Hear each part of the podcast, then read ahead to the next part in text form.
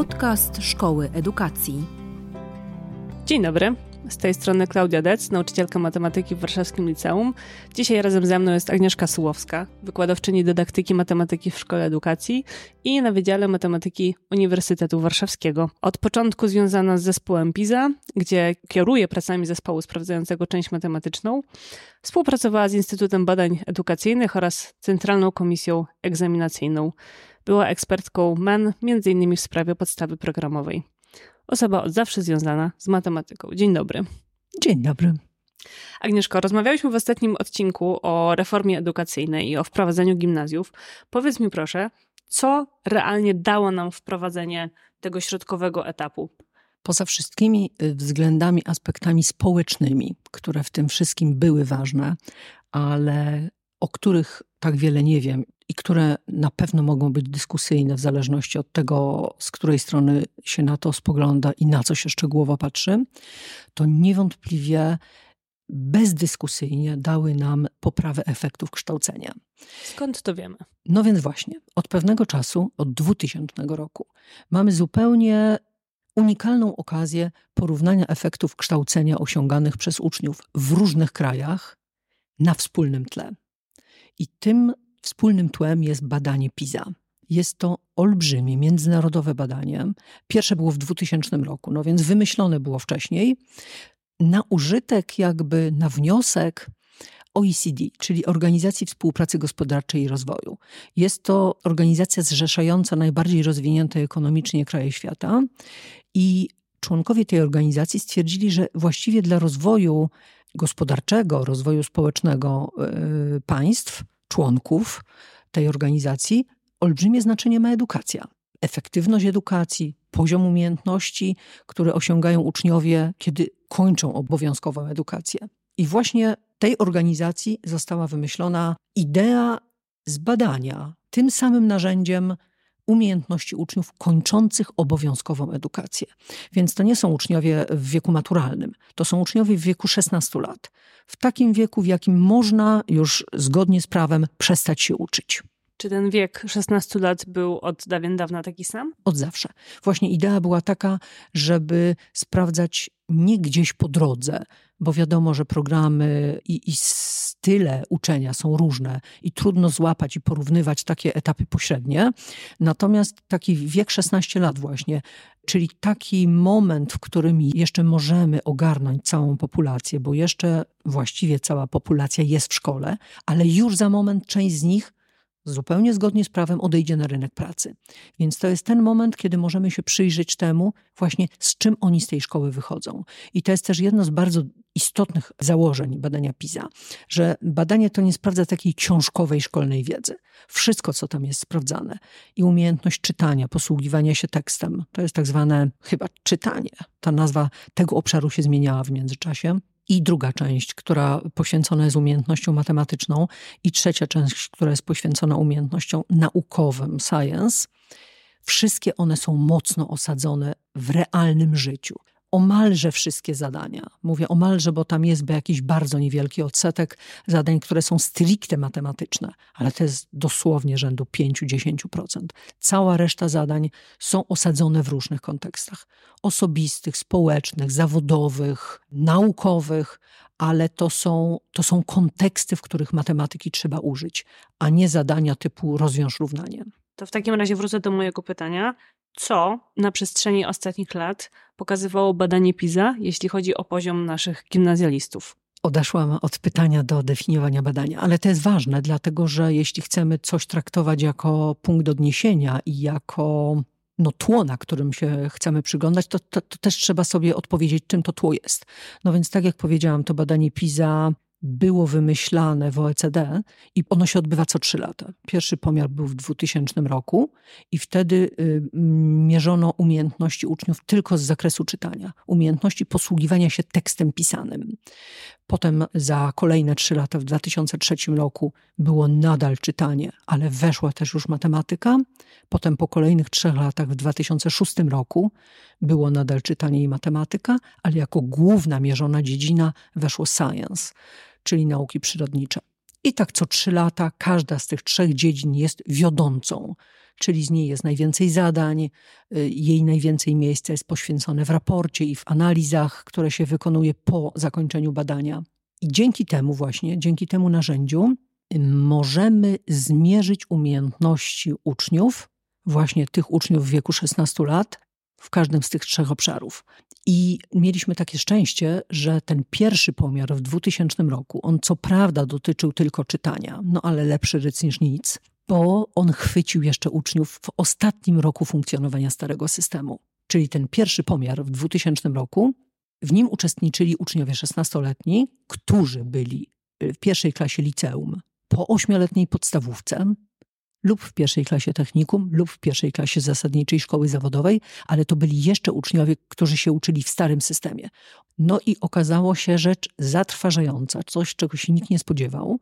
Mianowicie okazało się, że prawie 25% uczniów, dokładnie 23,2, właśnie sobie tę daną odświeżyłam, ma problemy z efektywnym wykorzystywaniem tekstu, który czytają. To nie znaczy, że oni byli technicznymi analfabetami, bo oni umieli przeczytać tekst, natomiast oni nie umieli z niego zrobić realnie użytku.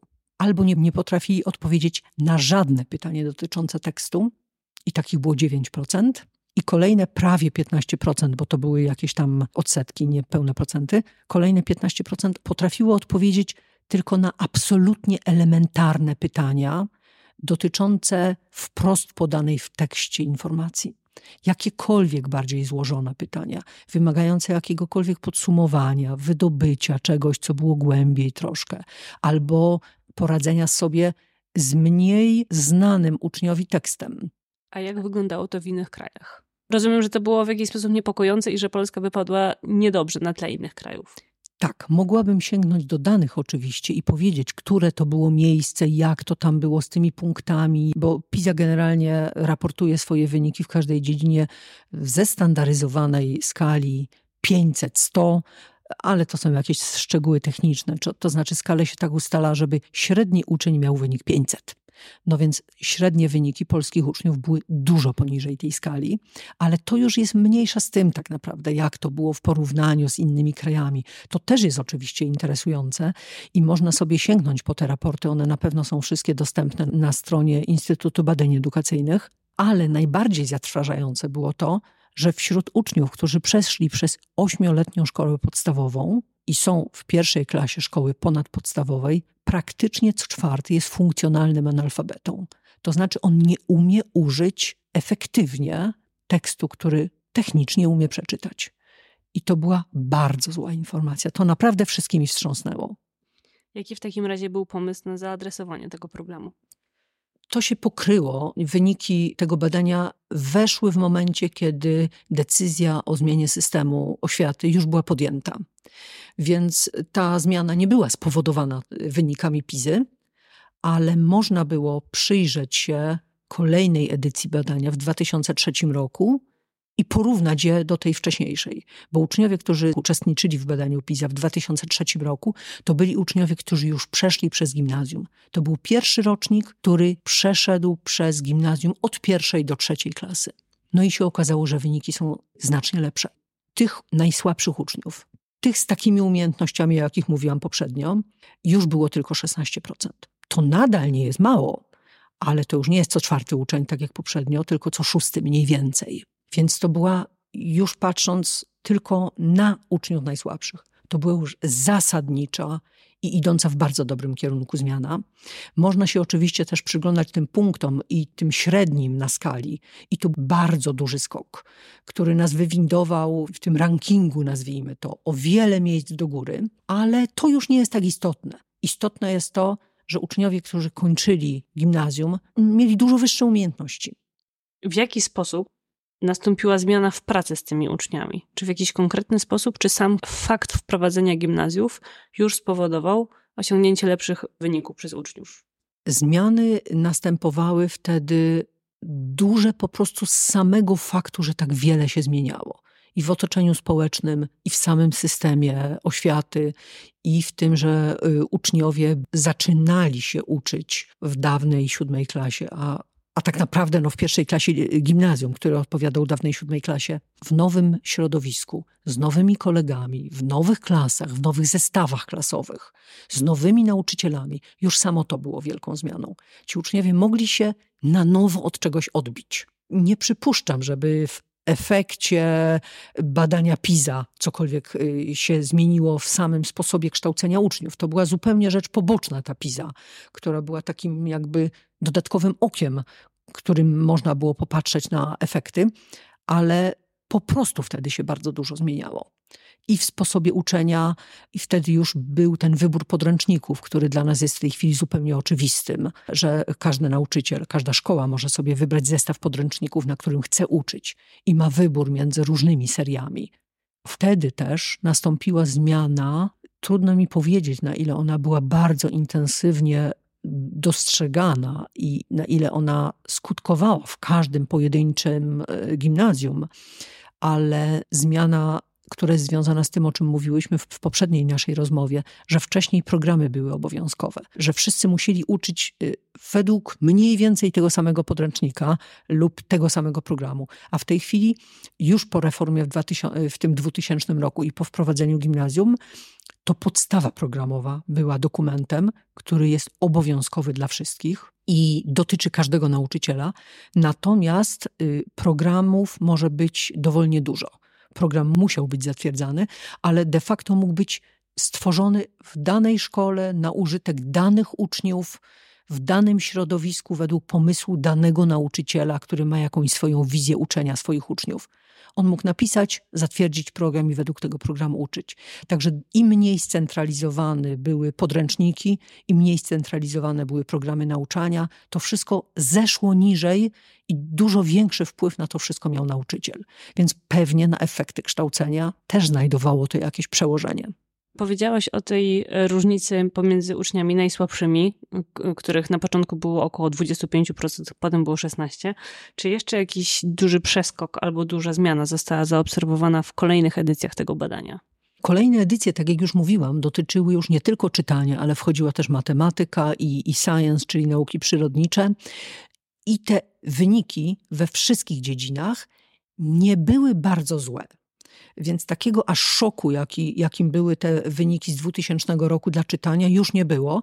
Natomiast no, to nie były wyniki zadowalające. Byliśmy w zależności od dziedziny, w zależności od edycji, albo na mniej więcej średnim poziomie.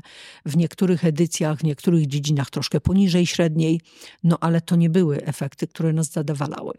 I przez ileś kolejnych edycji, 2003, 2006, 2009, tu się zasadniczo nie tak wiele zmieniało. I dojrzewała taka świadomość, że ten duży skok, który się dokonał dzięki wprowadzeniu gimnazjum, już jakby się wyczerpał.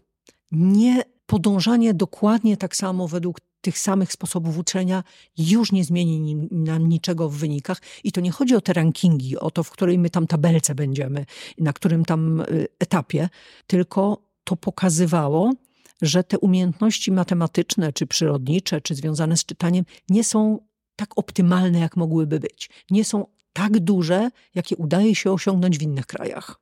Jaki był pomysł na zadresowanie tego? Zmiana podstawy programowej.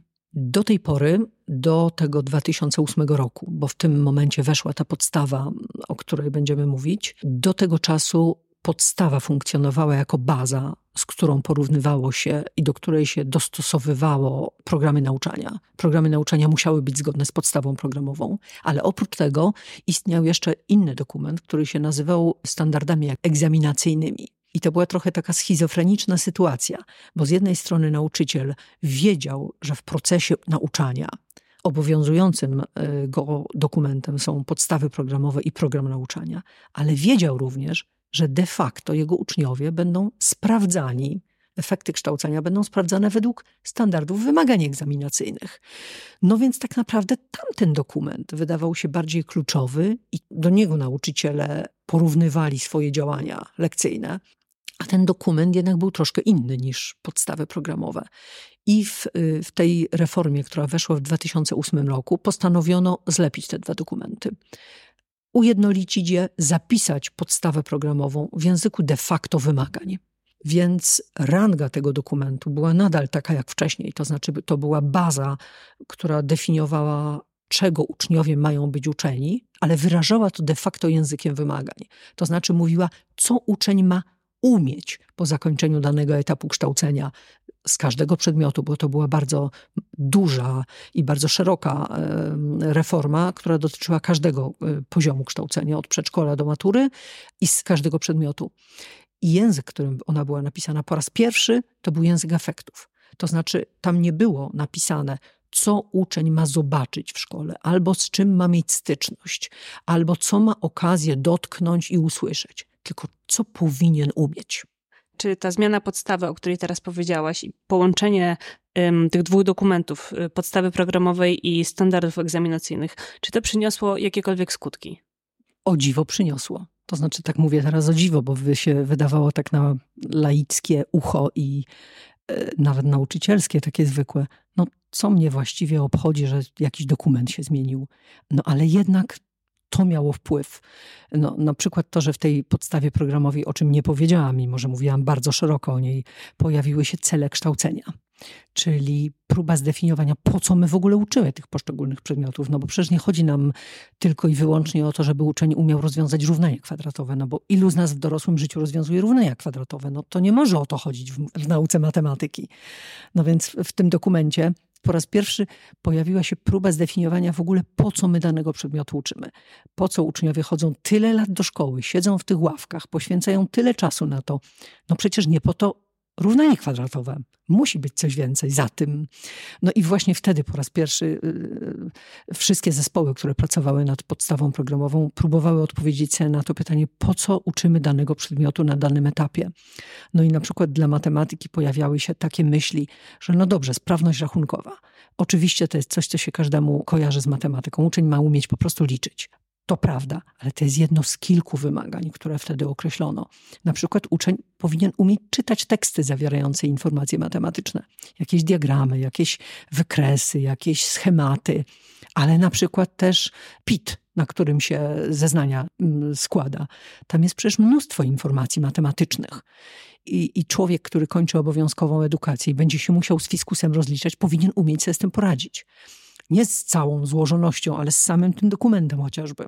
Kolejna rzecz, która się pojawiła, kolejny cel, który sobie określono, że uczeń ma umieć modelować matematycznie. No i co to znaczy? Jeśli ma jakiś problem z życia, w którym ma jakieś liczby, jakieś informacje, to powinien umieć zobaczyć to w języku matematyki, na gruncie matematyki. Co to właściwie znaczy?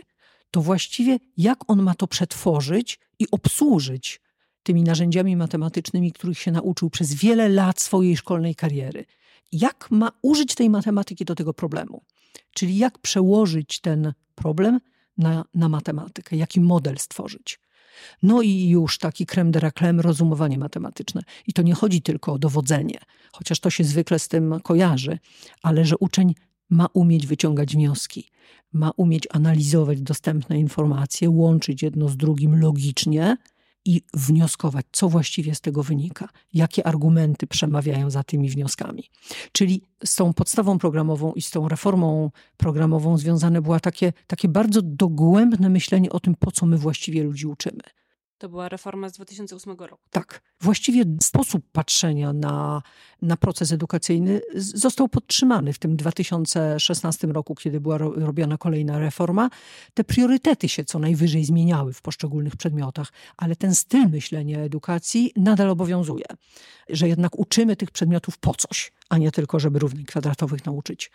I tu wracam do pytania zadanego, jaki to miało wpływ. Okazało się, że miało. I to we wszystkich obszarach. I w czytaniu, i w matematyce, i w, y, w naukach przyrodniczych.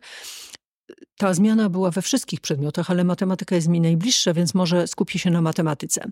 Od tego stanu, o którym mówiłam, że przez kilka lat 2003, 2006, 2009 te wyniki były nie dramatycznie złe, ale jednak zaledwie przeciętne wyskoczyliśmy bardzo wysoko w górę. Znaleźliśmy się na jednym z pierwszych miejsc y, w Europie, jeśli chodzi o umiejętności matematyczne uczniów.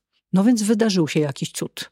To samo było z czytaniem, to samo było z naukami przyrodniczymi. W każdej z tych dziedzin wynik bardzo znacząco się podniósł. I to i w punktach, na punkty się przekładało na tej skali pizowej i na miejsce w rankingu. I tak jak mówiłam, to miejsce nie jest ważne, ale jednak pokazuje jakąś efektywność tego, co robimy. Czy nadal utrzymujemy się tak wysoko?